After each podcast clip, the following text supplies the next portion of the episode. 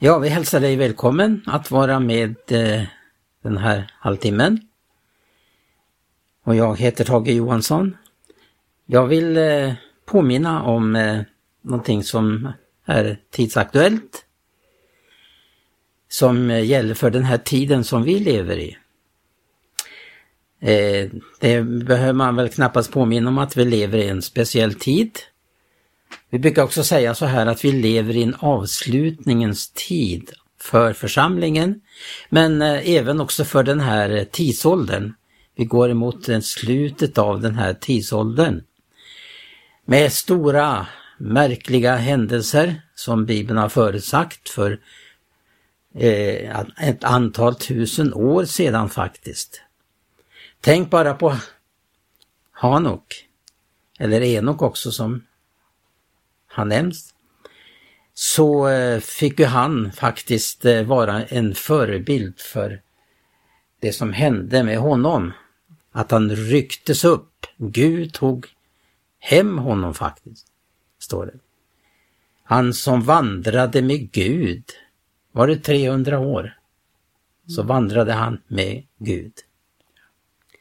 Och eh, det innebar att eh, Gud tog honom hem för att han skulle också vara en förebild för uppryckelsen.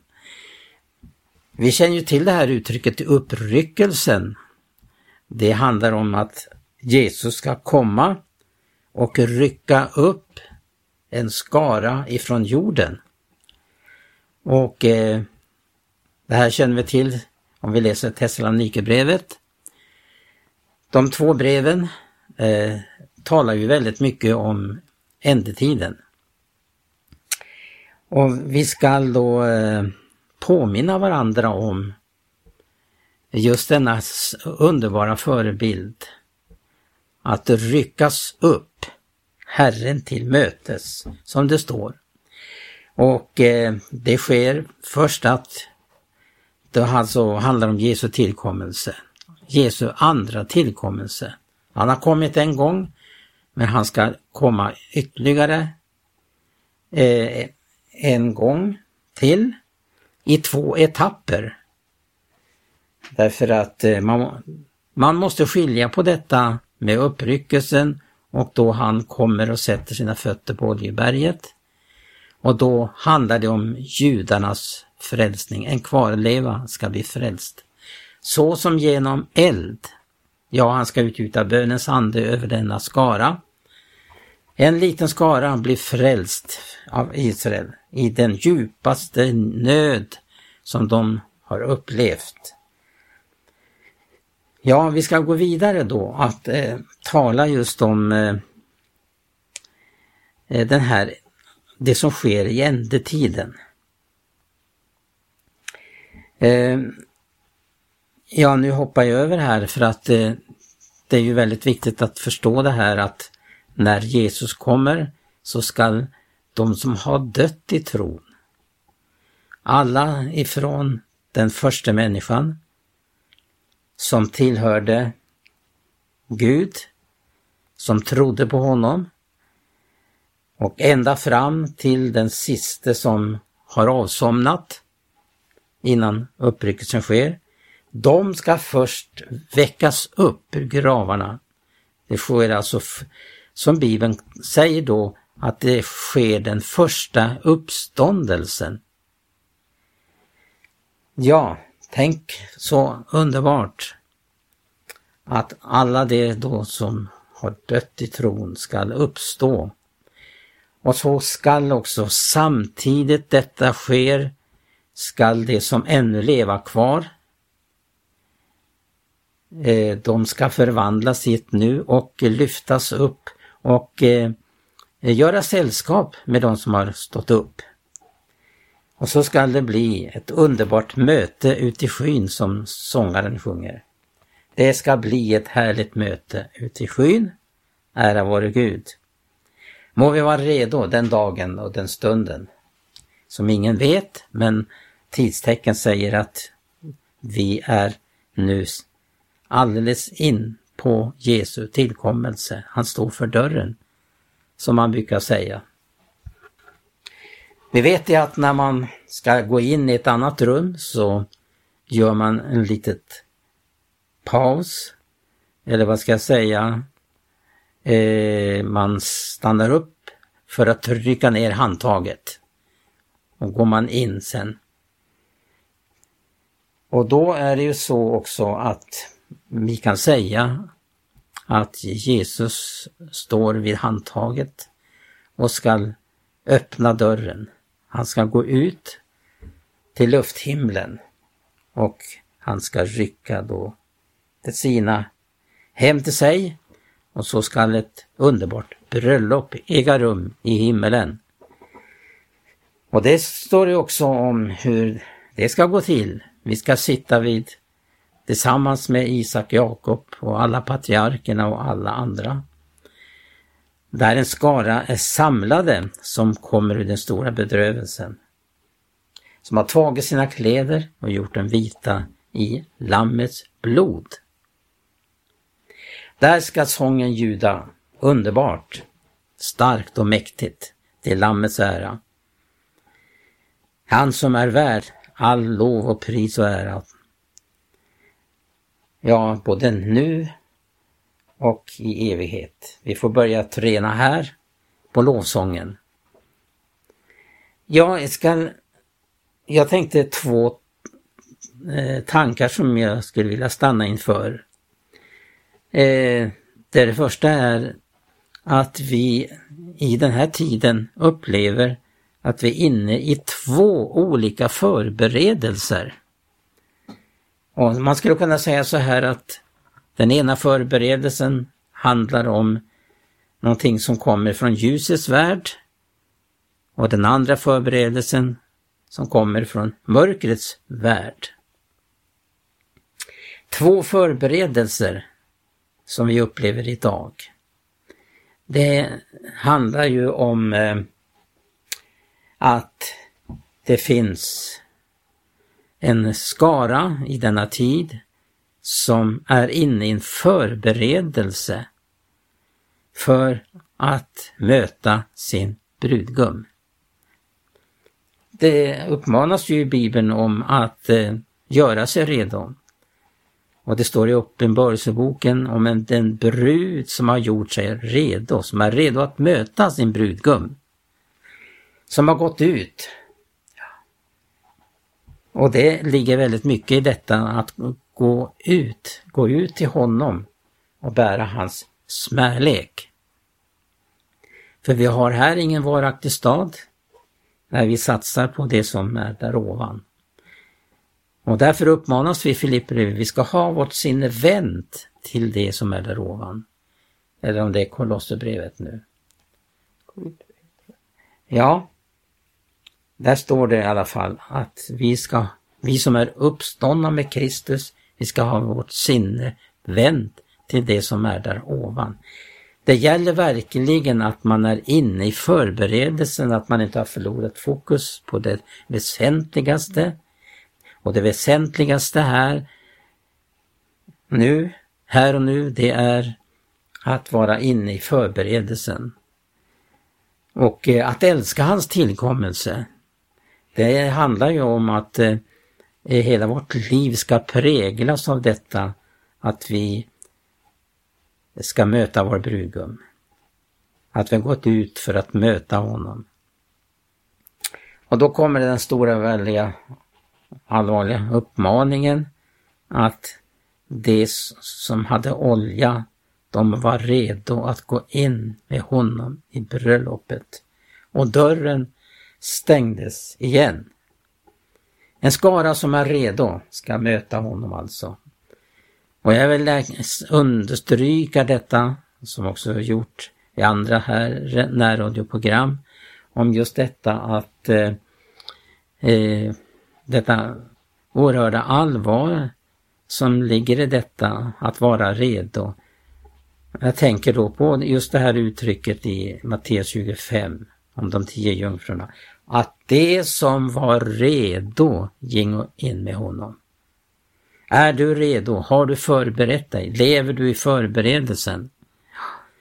Noa levde i en förberedelse och många andra med honom som eh, väntade på staden med de fasta grundvalarna. Ja, det är en förberedelse som handlar om att man gått ut och möta sin brudgum. Det pågår i våra dagar en förberedelse. Vi, brud, bruden upplever denna längtan att möta brudgummen. Och hon upplever att hur viktigt det är att ha eh, sitt eh, kärl med olja.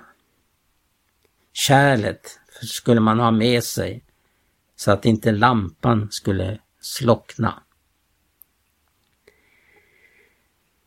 Det blev ju så att eh, det var ju då tio jungfrur som gick ut. Och fem då var redo, fem var inte redo. De fick stanna kvar. De stod sedan och klappade på en stängd dörr.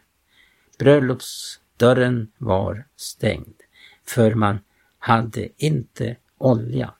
Lamporna hade slocknat. Det är en påfrestning också, det här med väntetiden, att vänta. Det är en påfrestning. Och dessutom så handlar den här liknelsen om att det är någonting som sker vid midnatt. Vi känner till att just vid midnattstiden är det svårt att hålla sig vaken. Det behövs en särskild eh, ambition för att hålla sig vaken. Men det är ju kärleken till bruden, brudgummen, som övervinner också detta med sömnaktigheten. Som vår tid är så tyngd utav. Den är präglad av sömnaktighet. Och vi kommer då in på det här, en en annan typ av förberedelse i vår tid. Förberedelse, vad är det för förberedelse? Och jag sa då att det var en förberedelse då som kommer från mörkrets värld. Inte från ljusets värld, men från mörkrets värld. Och det handlar om att det ska träda fram en övermänniska som Bibeln kallar för Antikrist. Och den falske profeten. Eh, det pågår i våra dagar en, en intensiv förberedelse för att ta emot denna, ja man skulle kunna faktiskt kalla för världsfrälsare. Han kommer att tas emot som en världsfrälsare. Han besitter en oerhörd intelligens eftersom det här handlar om att Antikrist är är djävulen personifierad i en människa. Och han kommer att ställa till rätta och eh, i en tid då människorna upplever sitt kaos allt mer och mer så påtagligt så kommer han att kunna ordna väldigt mycket för för människans situation. Och därför kommer han mottagas som en frälsare. Han är en som eh, riktigt är frammanad av mänskligheten. Denna mänsklighet i vår tid som liknas då vid Noas tid och Lots tid. Det här är någonting som vi har ju återkommit till och till och med kan verka att det blir mycket upprepning. Men hur viktigt är det inte att vi påminner varandra om detta så att vi håller oss vakna, så att vi är eh, så att han, vår brudgum, finner oss inte sovande utan vakande och bedjande när han kommer. Han har uppmanat detta, att vi ska vara vakande och bedjande. För gör, är, är vi inte det, då kommer vi att bli ett offer för den här tidsanden. Den här tidsandan den är så påträngande i vår tid med tanke på all de medel som står till förfogande för att eh, eh riktigt spruta fram det eh, fördärv som eh, sänker människan i destruktivt levnadssätt. För på Noas tid så, så heter det att hela jorden uppfylldes av våld. Ja, denna förberedelse kan vi se tydligt idag. Och det handlar om, som man kan läsa om i Uppenbarelseboken, att det handlar om hur man tänker och hur man handlar. Därför så blir det det här uttrycket som vi hämtar från Uppenbarelseboken om ett märke på pannan eller handen. Det är inte frågan först om en, eh, det tekniska sidan av detta, hur det kommer att, hur det kommer att ske. Det är framför allt, det handlar om att få människan i en speciell tankebana. Och eh, alltså en ideologi.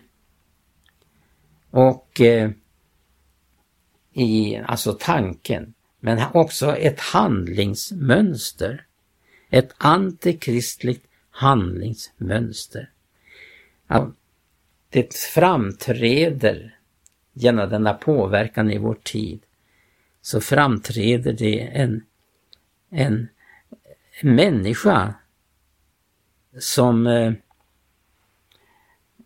är identiskt med fördärvets man som också Antikrist också kallas för. Laglöshetens människa. Och det är det som människan personifierar i vår tid. Det är laglöshetens människa. Och Jesus varnar för detta också att därmed att laglösheten förökas ska kärleken hos de flesta kallna. Ja, det, vi lever i en förfärlig förberedelse. Då hela mänskligheten ska ta emot denna övermänniska, Antikrist. Men det finns någonting som en, ett, eh, ett ord eh, som man upplever som en hemlighet.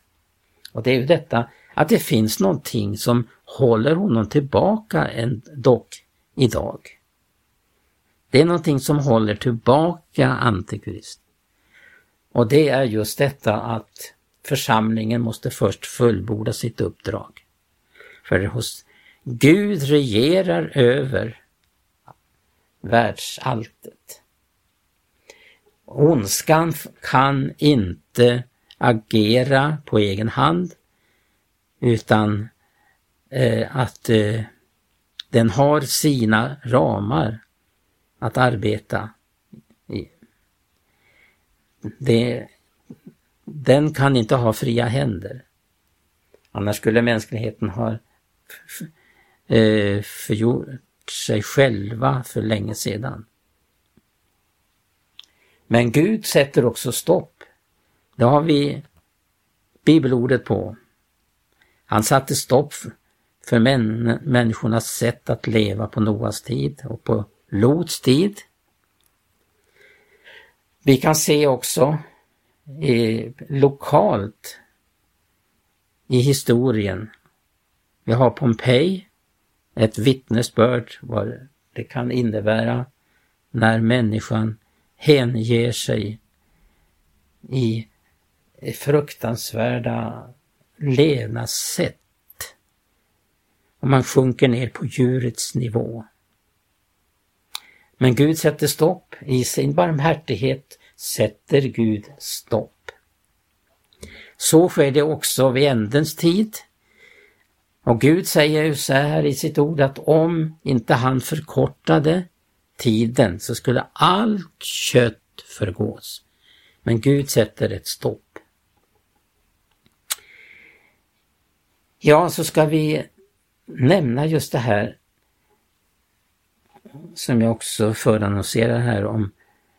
Förutom två förberedelser så vill jag beröra den här tanken om vad Bibeln menar och lär om att vara eh, En sann kristen, vad är det att vara en sann kristen? Och eh, det kan vi då förstå av den bibliska historien. Och vi ser tydligt i eh, vissa avsnitt i Bibeln då det, då det, det, vi tänker oss till exempel den apostoliska tiden, vad det var att vara en kristen, hur man levde som kristen. Det var ju i Antiochia och på andra platser man också då började kalla de troende för de kristna. Därför att eh, det handlade om en, att de levde så annorlunda än sin omgivning. De var verkligen främlingar och gäster i tiden. Och jag ska läsa eh, ett vittnesbörd om hur de troende levde. Och då innefattar det både gamla och nya testamentet. Och då står det så här. Eh, när han beskriver där i Hebreerbrevet 11, som är ett vittnesbörd om troshjältar. Där står det så här, vad ska jag vidare säga, tiden blev mig för kort ifall jag skulle förtälja om Gideon, Barak, Hinson, Jefta, David, Samuel och profeterna. Och dessa som genom tron besegrade konungariken, övade rättfärdighet, fingo löften uppfyllda, tillstoppade lejonskap, dämpade eldens kraft, undkom och svärdets ägg, ägg, blev oss starka från att ha varit svaga, blev väldiga krig och det var främmande herrar på flykten. Kvinnor finns funnits som fingo igen sina döda genom deras uppståndelse. Andra lät sig läggas på sträckbänk och ville inte taga emot någon befrielse i hopp om en så mycket uppståndelse. Ja, andra åter underkastade sig begaberi Jesus lag, därtill bojor, fängelse. De blev stenade, marterade, söndersågade, dödade med svärd. De gäng omkring höljda i fårskinn och gethudar, nödställda, misshandlade och plågade och så vidare. Ja, det, det är väl så att den kristna är kallad till en strid. Men då är det så att fienden utnyttjar det här med utnötningsmetod för att få de troende till att kompromissa. Och eh, därmed så blir man benägen till att eh, göra avkall på sitt uppdrag och börja kompromissa. Ja, det var några tankar om det som sker i vår tid och med bakgrund utav vad som också har skett med dessa troshjältar. Vi återkommer här igen, Radio Maranata. Och eh, jag ska fortsätta nästa tisdag, samma tid, att eh, också gå in för det här vad Bibeln menar med att vara en sann kristen. Vi önskar dig Guds välsignelse. Jag som har talat heter Tage Johansson. Och på återhörande.